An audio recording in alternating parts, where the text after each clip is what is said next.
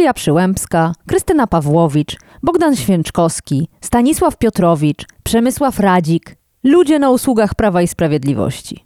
Czy można pozbyć się ich z sądownictwa? Jak posprzątać po Zbigniewie Ziobrze i okiwać prezydenta i jego weto, a na dodatek uszanować konstytucję? Da się? Tak, chociaż częściowo. Nazywam się Agata Kowalska.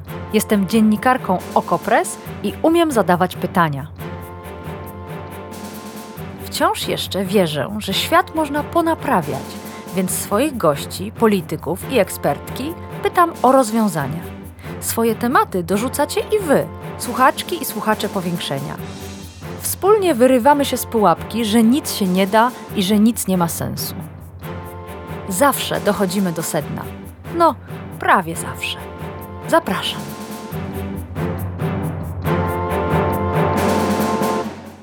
Donald Tusk w Brukseli właśnie walczy o odblokowanie pieniędzy z Krajowego Planu Odbudowy, a środowiska prawnicze na Twitterze i poza nim spierają się o naprawę polskiego sądownictwa. Te sprawy są oczywiście powiązane, bo to Komisja Europejska powiedziała kiedyś dość i powiązała wypłatę potężnych środków z KPO z praworządnością, a konkretnie z tak zwanymi kamieniami milowymi dotyczącymi między innymi sądownictwa i sędziów w Polsce. Spory są gorące, ale też bardzo skomplikowane. Więc dzisiaj w powiększeniu, żeby je prześledzić, ułatwimy sobie sprawę. Zamiast wędrować meandrami logiki brukselskiej, logiki partyjnej, bądź nawet prawniczej, sięgniemy do naszej wspólnej społecznej pamięci i do chronologii wydarzeń. Dzisiaj w powiększeniu cofamy się o 8 lat.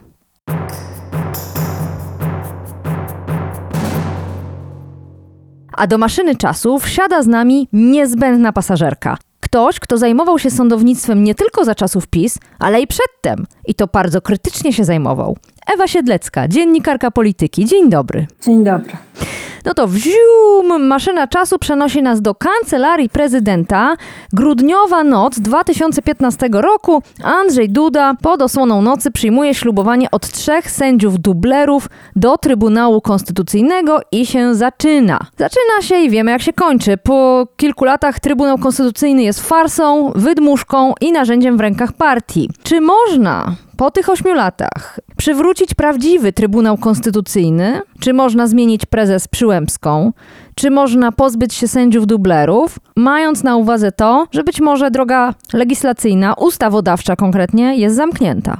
Czy można? Można na pewno próbować. Też y, jeżeli chodzi o tą dyskusję prawników, która się w tej chwili toczy, to można powiedzieć, że są tam takie dwie frakcje. Jedna mówi o tym, że najważniejsza jest skuteczność w przywracaniu praworządności, a druga mówi, że najważniejsza jest praworządność przy wracaniu praworządności. Ja jestem, ja jestem z tej y, drugiej opcji i zdecydowanie uważam, że praworządności niepraworządnymi metodami się nie da przywracać. Więc jeżeli chodzi o praworządność i o Trybunał Konstytucyjny, to nie ma poza możliwością usunięcia uchwałą Sejmu trzech dublerów z Trybunału i wprowadzenie na ich miejsce osób, które 8 lat temu wybrane były w sposób prawidłowy, to na pozbycie się pozostałych członków Trybunału niekonstytucyjnego nie ma sposobu zgodnego z prawem. Nie można tego zrobić bez przerywania kadencji. W związku z tym trzeba się zastanowić, czy po prostu nie pójść na ugodę nie zaproponować tym państwu odejście na złotych spadochronach, czyli dobrowolne złożenie urzędu w zamian za stan spoczynku. No to nie potrzeba żadnej zmiany prawa, ponieważ zmiana prawa może być niemożliwa ze względu na brak współpracy prezydenta Andrzeja Dudy. Stan spoczynku się należy także przy dobrowolnym złożeniu urzędu. Prawdopodobnie tacy fajterzy jak pan y, Stanisław Piotrowicz, czy Krystyna Pawłowicz, czy może pan Święczkowski na coś takiego nie pójdą, ale może się okazać, że większość członków Trybunału Konstytucyjnego owszem, dlatego że w tej chwili bycie w Trybunale Niekonstytucyjnym to nie jest żaden honor, to jest wstyd. I jeżeli ktoś chce robić karierę naukową, to to jest dla niego obciążenie. W związku z czym oddalenie się na złotym spadochronie jest podwójnie korzystną opcją. No, zwłaszcza po dzisiejszych doniesieniach faktu. Rzadko kiedy cytuję w powiększeniu tego typu publikacje, ale zrobię wyjątek, gdzie na zdjęciach Bogdan Święczkowski udaje się limuzyną Trybunału do sklepu, zakupuje kiełbasę, śledzika oraz wódkę i w ten sposób spędza czas. Więc być może nie tylko łamanie konstytucji, ale również tego typu spędzanie czasu w pracy może zniechęcić niektórych kolegów pana Święczkowskiego i koleżanki do przebywania w pseudotrybunale. A zmiana e, prezes, pani prezes Przyłębska będzie z nami jeszcze długo?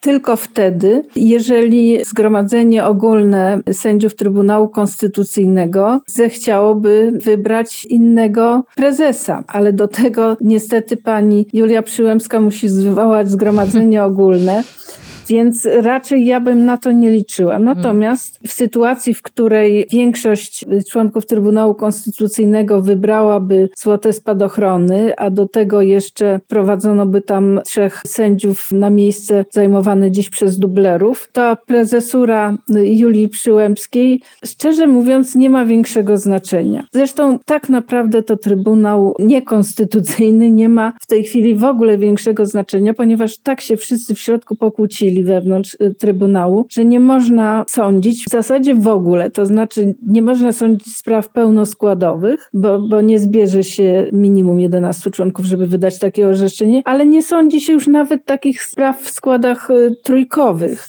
Po prostu Trybunał nie robi nic co jest okolicznością szczęśliwą. No ale, ale to jest. No właśnie, to ważna uwaga, bo zaraz będziemy się zajmować w dużym stopniu prezydentem Dudą, co pewnie by go ucieszyło, bo on lubi, jak się nim zajmować.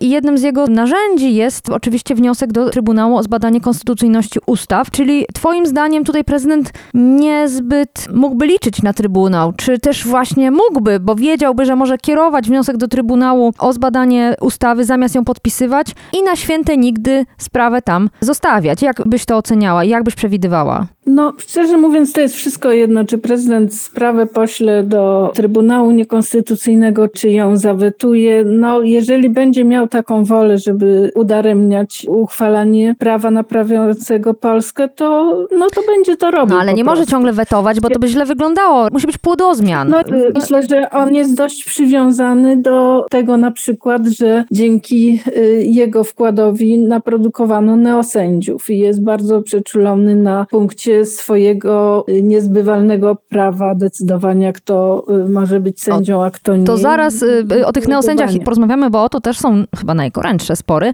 ale chronologicznie idąc, to drugim, co rozwalił PiS, była Krajowa Rada Sądownictwa. Obecnie nazywana i bardzo słusznie NeoKRS. Instytucja absolutnie partyjna, upolityczniona, nie pełniąca roli, jaką jej konstytucja przypisała. Czy można ją obsadzić na nowo bez ustawy, czy można ją w jakikolwiek sposób naprawiać bez wsparcia prezydenta? Tak. Zdecydowanie tak. Przemyślałam to sobie i myślę, że to, co wymyśliłam, jest do zrobienia. Mianowicie jest dość prawdopodobne, że większość y, dzisiejszych członków y, NeoKRS mogłaby odpowiadać dyscyplinarnie. Trzech y, z nich jest związanych z aferą hejterską i co prawda prokuratura blokuje śledztwo w tej tak. sprawie, natomiast nic nie stoi na przeszkodzie, żeby zajął się tym rzecznik dyscyplinarny dyscyplinarny, nowy rzecznik dyscyplinarny. Rzeczników dyscyplinarnych dla sędziów powołuje minister sprawiedliwości, y, więc y, tutaj nie ma żadnego problemu. A druga sprawa, która też może y, prowadzić do odpowiedzialności dyscyplinarnej, to jest sposób, w jaki Neokrajowa Rada Sądownictwa procedowała na przykład w sprawie konkursów sędziowskich. Sędziowie mhm. zbierali dokumentację i dowody na to, że po prostu łamano procedury i działano przeciwko interesowi wymiaru sprawiedliwości. Najnowszy y, przykład, jak będę chciał do pana mieć jakieś pytania, to zadzwonię, bo przecież jesteśmy kolegami, a teraz w trakcie tego posiedzenia pytań zadawać nie będę. Tak, tak, to się zgadza, ale też na przykład są dowody na to, że konkurs, w którym brało udział kilka osób, był rozstrzygany w kilkanaście sekund. Y, no, nie da się w kilkanaście sekund y, omówić kilku kandydatur i nad nimi zagłosować, więc to jest ewidentne połamanie procedury. A to, co działo się notorycznie, to znaczy wybieranie kandydatów, którzy byli w sposób oczywisty gorsi od innych kandydatów. I jest to ewidentne działanie na szkodę wymiaru sprawiedliwości. Mm. Także myślę, że z też części obecnych członków NeoKRS można by postawić tego typu zarzuty dyscyplinarne. Wspomniałaś o mm. procedurze dyscyplinarnej wobec między innymi członków NeoKRS, ona jest możliwa, to też powiedziałaś, po wymianie rzeczników dyscyplinarnych przez ministra sprawiedliwości. Czy to przynajmniej powinno pójść bez zbędnej zwłoki i trudności? To jest jedna administracyjna decyzja przyszłego ministra sprawiedliwości i koniec? Jak to wygląda? Dokładnie tak jest. To znaczy Zbigniew Ziobro przygotował i prawo o y, ustroju sądów powszechnych i prawo o prokuraturze pod siebie. W związku z czym jest to naprawdę zupełnie prosta decyzja, żeby zamiast pana rzecznika, rzeczników Schaba, Radzika i Lasoty dać osoby, które nie będą politycznie dyspozycyjne. Natomiast druga sprawa, jedna sprawa to jest postawienie zarzutu, ale druga sprawa to jest osądzenie. No i teraz tych członków NeoKRS musi sądzić Izba Odpowiedzialności Zawodowej w Sądzie Najwyższym tej izbie większość mają neosędziowie, to znaczy dokładnie jest 11 y, y, członków, w tym 6 neosędziów i 5 sędziów. Ale prezesem tej izby jest tak zwany stary sędzia, prawowity sędzia Kozielewicz. Myślę, że mogłoby być tak, że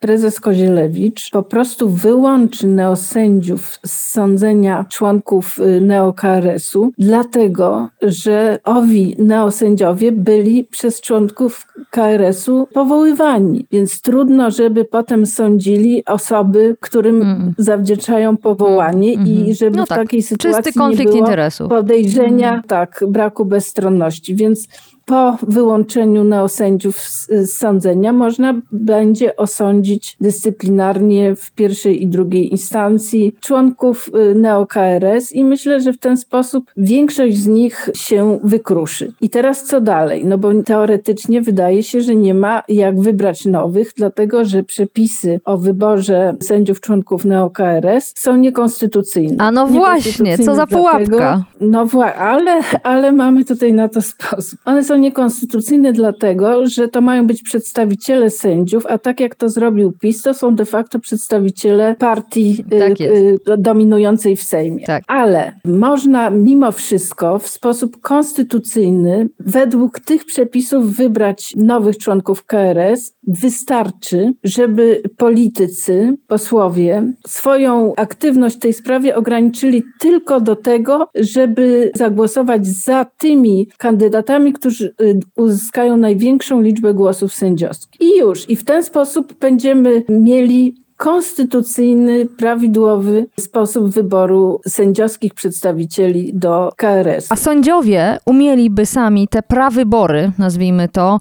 u siebie zorganizować? Nie, nie, to, to już byłaby zastosowana obecna ustawa, czyli że kto chce kandydować do KRS-u, zbiera podpisy sędziów, chodzi, zbiera, prawda, namawia i przedstawia swoje zalety. Potem to wpływa y, do y, marszałka Sejmu Potem z tego Sejmowa Komisja Sprawiedliwości wybiera piętnastkę, którą, czy tyle, ile jest wakujących miejsc w KRS-ie, wybiera po prostu do przedstawienia na posiedzeniu plenarnym i, i ci ludzie są, nad nimi się głosuje, są wybierani. Mm. Wystarczy, żeby to byli ci, którzy mieli największe poparcie sędziów. Nie będzie z tego awantury w środowisku sędziowskim? Awantury mogą być różne, ale nikt nie będzie negował faktu, że ktoś zdobył większe poparcie sędziów niż ktoś inny. Mm. No tak, to lepsze niż te pseudolisty podpisów, które pamiętamy z dawnych czasów.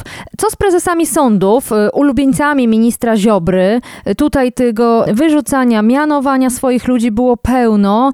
Czy to można wszystko cofnąć, zmienić bez ustawy i czy byłoby znów konstytucyjne? Można to zrobić bez ustawy, nawet przeciwnie, tutaj prawo, które uchwalił PiS sprzyja, ponieważ znowu Zbigniew Ziobro wszystko, z, całą władzę zagarnął pod siebie, czyli on tak naprawdę może odwoływać i powoływać y, prezesów, wiceprezesów no wiem, sądów Jasne, ale czy, czy to wypada z tych przepisów korzystać?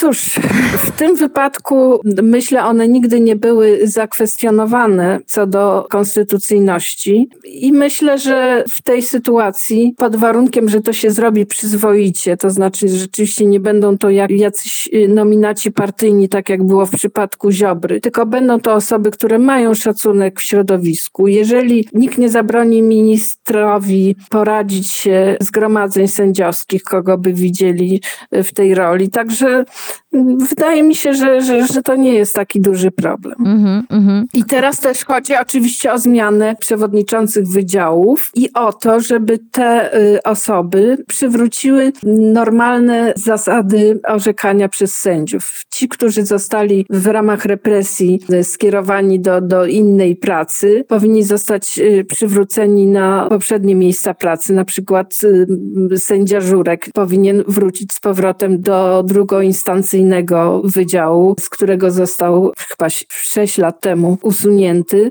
Też należy pilnować, żeby nie były, i to jest w gestii już przewodniczących wydziałów, żeby neosędziowie nie sądzili razem z sędziami, bo to pomnaża ilość wyroków, które są wątpliwe i mogą być y, kwestionowane. Mm. No właśnie, tutaj powolutku, powolutku zmierzamy do tego najtrudniejszego momentu, czyli neosędziów. Właściwie czystki domaga się Justitia.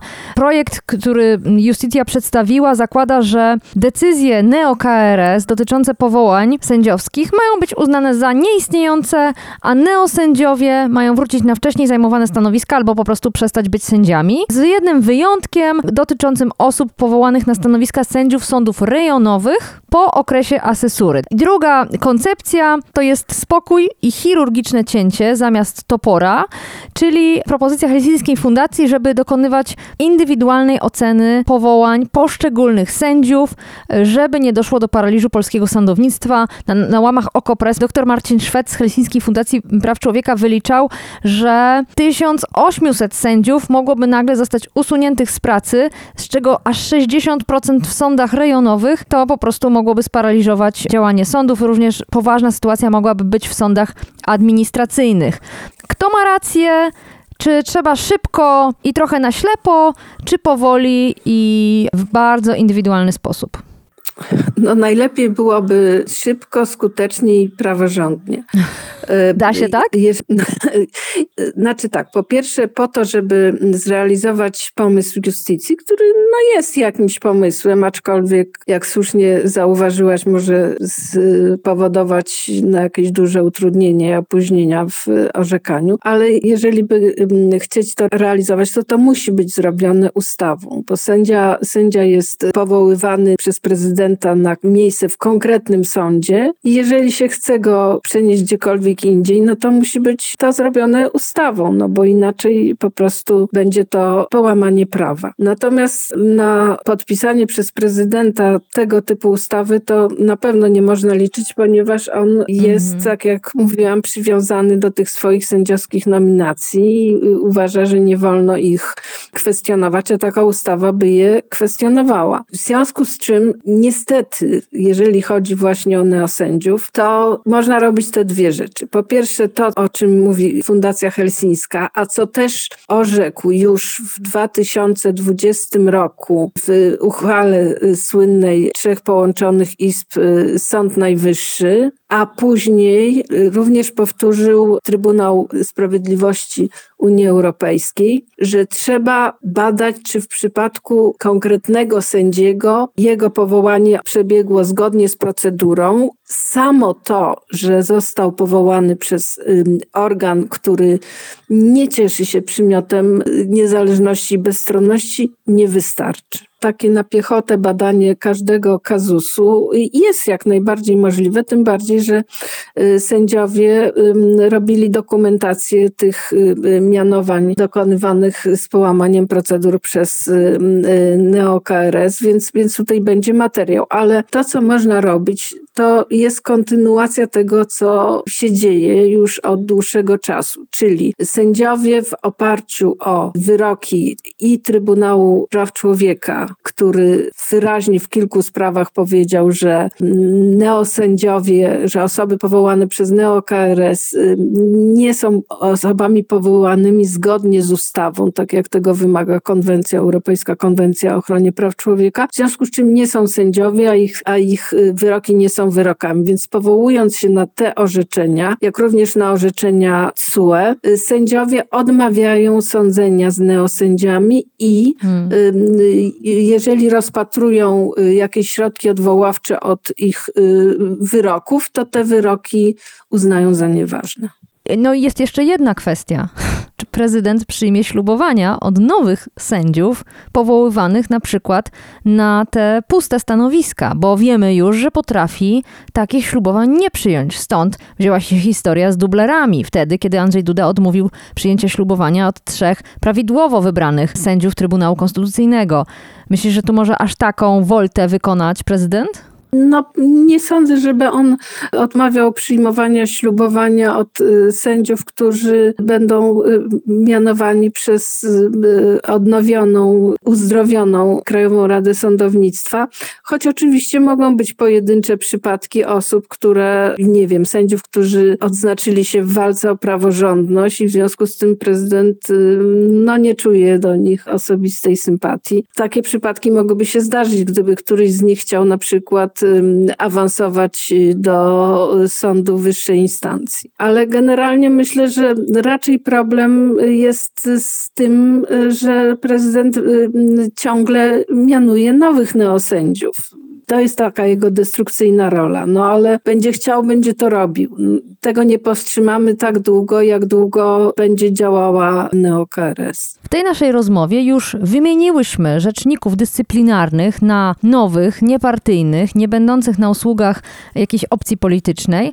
Więc pytanie, czy w takim razie druga jeszcze kwestia zostanie e, rozwiązana bez e, koniecznej ścieżki legislacyjnej. Chodzi mi o ustawę kagańcową, czyli ustawę, która pozwalała ścigać dyscyplinarnie sędziów za to, że chcieli badać status neosędziów. To jest jeden z wymogów Komisji Europejskiej, żeby uwolnić pieniądze z KPO, że ustawa kagańcowa ma zniknąć. Na naszych łamach mecenas Michał Wawrykiewicz sugerował, że zaprzestanie wykonywania tej ustawy, przekształcenie jej w martwe prawo, bez jej nowelizacji, powinno wystarczyć. A my przed chwilą zmieniłyśmy rzeczników dyscyplinarnych na w miarę porządnych fachowców. Czy to rzeczywiście jest dobry trop?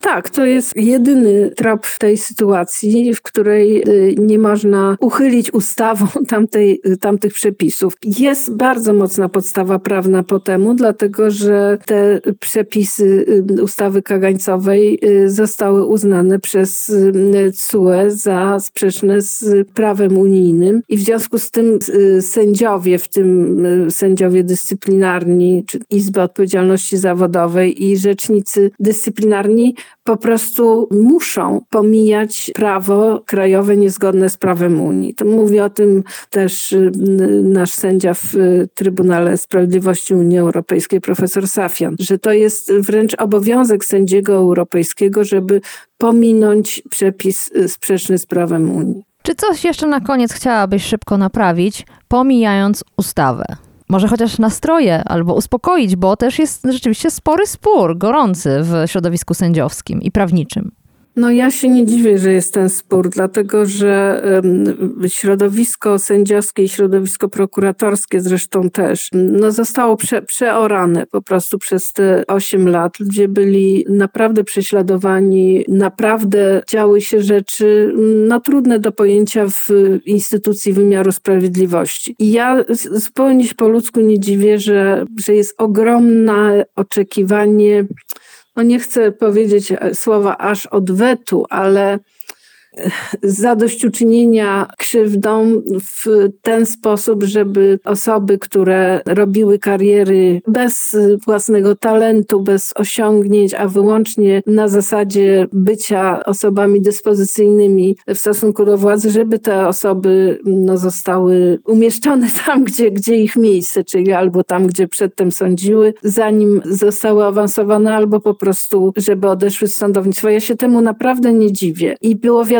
że tak będzie. I było też wiadomo, że nie będzie tego można y, zrobić tak y, szybko, y, jakby oczekiwano i tak radykalnie, jakby sędziowie tego oczekiwali i że będą rozczarowania i że będą pretensje. Po prostu musimy się z tym zmierzyć. To samo dotyczy prokuratorów. To znaczy prokuratorów może o tyle mniej, że tam jest sytuacja dużo prostsza. Prokuratorzy dyspozycyjni po prostu, jeżeli zostanie zmienione kierownictwo prokuratury, prokuratorzy dyspozycyjni po prostu stracą stanowiska i te wszystkie delegacje z prokuratury rejonowej do prokuratury krajowej i tak dalej również stracą moc. No chyba, żeby, co zresztą teraz się dzieje, prokurator generalny Zbigniew Ziobro jeszcze robił takie last minute awanse właśnie tych prokuratorów do prokuratury krajowej, żeby potem ich droga zawodowa mogła już y, wyglądać w ten sposób, że spokojnie z bardzo wysokim uposażeniem udadzą się w stan spoczynku, z którego wrócą, kiedy ich ulubiona partia wróci do władzy. Także to rozczarowanie tym, że nie można szybko przywrócić poczucia sprawiedliwości było spodziewane, no i po prostu można je tylko rozumieć. To zobaczymy. Będziemy śledzić również te emocje, bo one są ważne, one też potrafią rządzić polityką i decyzjami, oby nie błędami. E, no to już zupełnie na koniec, naprawmy coś w Sądzie Najwyższym. A jest co zmieniać, bo mamy co najmniej dwie izby, których istnienie jest wątpliwe, chociaż w trakcie rządów Prawa i Sprawiedliwości przez te 8 lat doszło do co najmniej dwóch poważnych reform po to, żeby teoretycznie e, spełnić wymagania Komisji Europejskiej. Mamy mocno upolitycznioną prezes Sądu Najwyższego. Co z tego można poprawić? No właśnie, y, niestety bez zmiany prawa to raczej nic. I to jest ten y, element wymiaru sprawiedliwości, który no, został w gruncie rzeczy najlepiej zabetonowany przez PiS, ponieważ w tej chwili neosędziowie mają w Sądzie Najwyższym większość. O ile dobrze obliczyłam, to jest ich 49, a sędziów jest 42. I w związku z tym, nawet gdyby, nie wiem, na przykład za pomocą jakiegoś postępowania dyscyplinarnego usunąć y, panią y, Małgorzatę Manowską z funkcji pierwszego prezesa Sądu Najwyższego, to i tak Zgromadzenie Ogólne Sędziów Sądu Najwyższego wybierze no, no sędziów jako kandydatów przedstawionych prezydentowi do bycia prezesem. I to samo dotyczy też prezesów wszystkich izb poza Izbą Pracy, którzy też są już neosędziami. Więc szczerze powiedziawszy, dopóki nie da się zmienić prawa, to sędziom Sądu Najwyższego pozostaje robić to, co robią już w tej chwili od paru lat, czyli odmawiać orzekania z neosędziami i unieważniać ich wyroki, ich, ich rozstrzygnięcia. Ewa Siedlecka, dziennikarka polityki. Wracamy naszą maszyną czasów do 2023 roku, 26 października. I cóż, śledzimy te wydarzenia dalej, kibicujemy, ale też bacznie się przyglądamy. I tym samym kończymy kolejny powyborczy odcinek powiększenia. Ze statystyk wynika, że słuchacie jak najęci. Bardzo mnie to cieszy.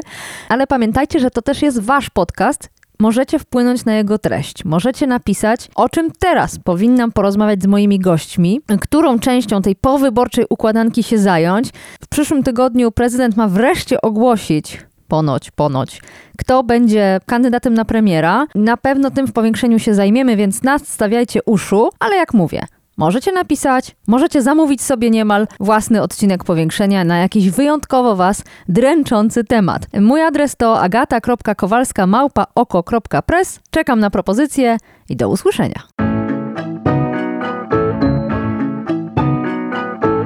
To było powiększenie, podcast Agaty Kowalskiej. Produkcja Bartosz Weber. Powiększenie znajdziesz na stronie Okopres i w Twojej ulubionej aplikacji do podcastów. Masz pomysł na temat? albo komentarz, napisz do mnie agata.kowalska małpaoko.press. Stałych darczyńców zapraszamy na grupę OkoPress na Facebooku Twoja okolica. Tam też toczymy dyskusje o świecie i o podcaście. Dziękujemy za Wasze wsparcie.